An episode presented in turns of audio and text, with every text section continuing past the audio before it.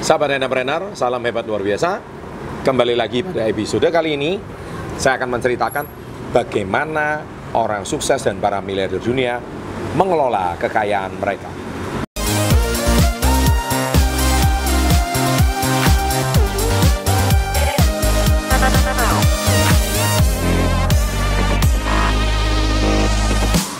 Nah, baik. Kalau Anda paham bagaimana para miliarder itu mereka bisa mengelola kekayaan mereka, Anda bisa cek video saya sebelumnya, yaitu mindset dan mental orang sukses, di mana mindset dan mental orang sukses itu saya membahas tentang empat kuadran, E, S, B, dan I. Nah, kalau Anda hari ini sudah mempunyai kekayaan di kuadran B, ya sekarang bagaimana Anda lari ke kuadran I, investor. Nah, investor ini berbicara bagaimana uang yang sudah Anda hasilkan ini menghasilkan uang lagi. Nah, sebelum saya membahas ini lebih jauh, saya mau Anda paham tentang dua poin penting ini. Yang pertama adalah aset dan liabilitas. Ya, saya ulangi aset dan liabilitas. Nah, aset dan liabilitas ini adalah berasal dari sebuah eh, kalau kita pernah belajar akuntansi, pasti ada yang namanya aset and liability. Aset itu adalah harta, liability adalah kewajiban atau hutang. Nah, kalau kita bicara soal aset dan liability, saya tidak akan membahas dari point of akuntansi, bagaimana membuat neraca pembukuan dan sebagainya. Saya tidak akan membahas dari situ. Tapi saya bicara bagaimana para miliarder asetnya ini semakin lama semakin berkembang. Nah, eh, saya mengacu pada bukunya Robert Kiyosaki. Beliau mengatakan bagaimana orang kaya membangun asetnya.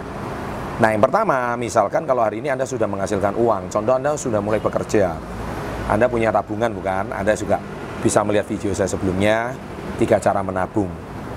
Ketika Anda sudah menghasilkan uang, menghasilkan uang dan menghasilkan uang, otomatis Anda sudah mulai berpikir uang ini mau diapakan, ya, mau dikelola seperti apa. Nah, di sini saya akan ajarkan cara mengelolanya.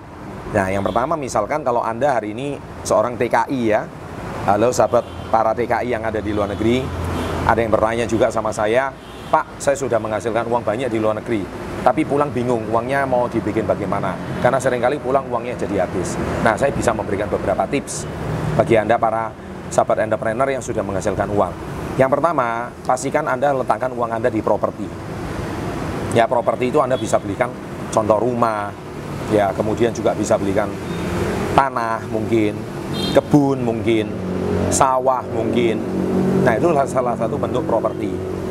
Nah, pastikan Anda kalau sudah memiliki properti tersebut, ya Anda bisa dikelola propertinya. Cara mengelolanya gimana? Mungkin Anda nggak ngerti cara mengelolanya. Nah, misalkan kalau rumah itu bisa dikontrakan. Nah, hasil kontrakannya kan Anda mendapatkan uang kontrakan. Ya, atau mungkin tanah bisa dibangun rumah, bisa dijadikan kos-kosan. Ya. Jadi itu juga bisa menghasilkan uang. Oke. Nah, kemudian juga Anda bisa beli sawah. Nah, sawah atau kebun bisa ditanami sesuatu. Hasil dari penanaman tersebut Anda nggak perlu, karena kita hidup di Indonesia ya, e, iklimnya sangat bagus.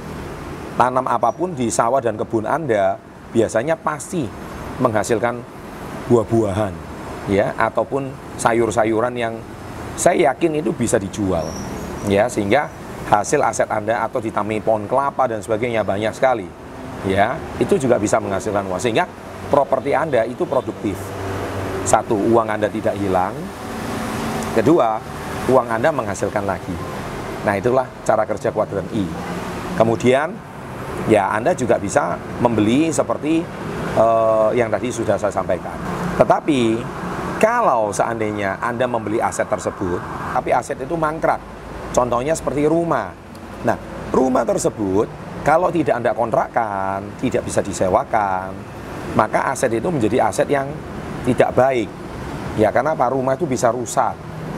Nah kalau rumah itu rusak, akhirnya Anda uh, malah mengeluarkan uang untuk merenovasi rumah. Dan itu akhirnya menjadi liabilitas atau menjadi kewajiban. Jadi harusnya rumah itu yang bisa menghasilkan uang, tapi karena rumah itu tidak menghasilkan, akhirnya rumah itu menjadi rusak. Nah, oleh sebab itu, sahabat entrepreneur, ya Robert Kiyosaki meletakkan rumah itu bukan di kolom uh, aset, tapi di kolom liabilitas.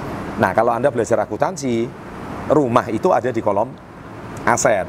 Nah, tapi kalau kita keluar dari konteks akuntansi, kita mengacu pada bagaimana cara menjadi miliarder ala Robert Kiyosaki, maka di situ dipaparkan dengan sangat jelas. Kalau aset properti Anda tidak produktif, berarti itu termasuk liabilitas, ya. Nah, kemudian contoh, Anda beli mobil banyak-banyak. Contoh Anda punya mobil 5 contohnya. Sekarang mobil 5 buat apa? Kalau mobil nganggur, mobil itu harganya setiap tahun turun.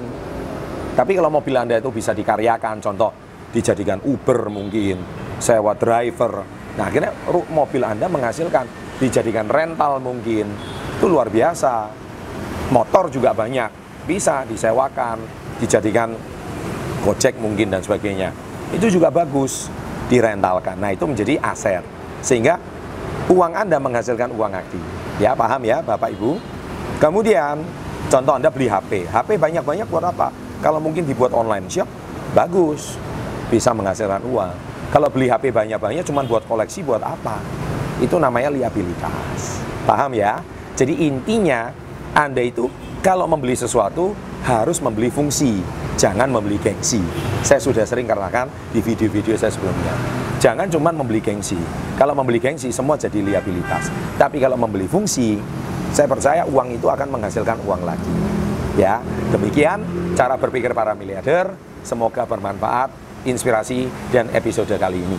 Oke, apabila Anda menyukai silahkan memberikan komen yang positif dan jangan lupa untuk subscribe. Sukses untuk Anda, salam hebat luar biasa.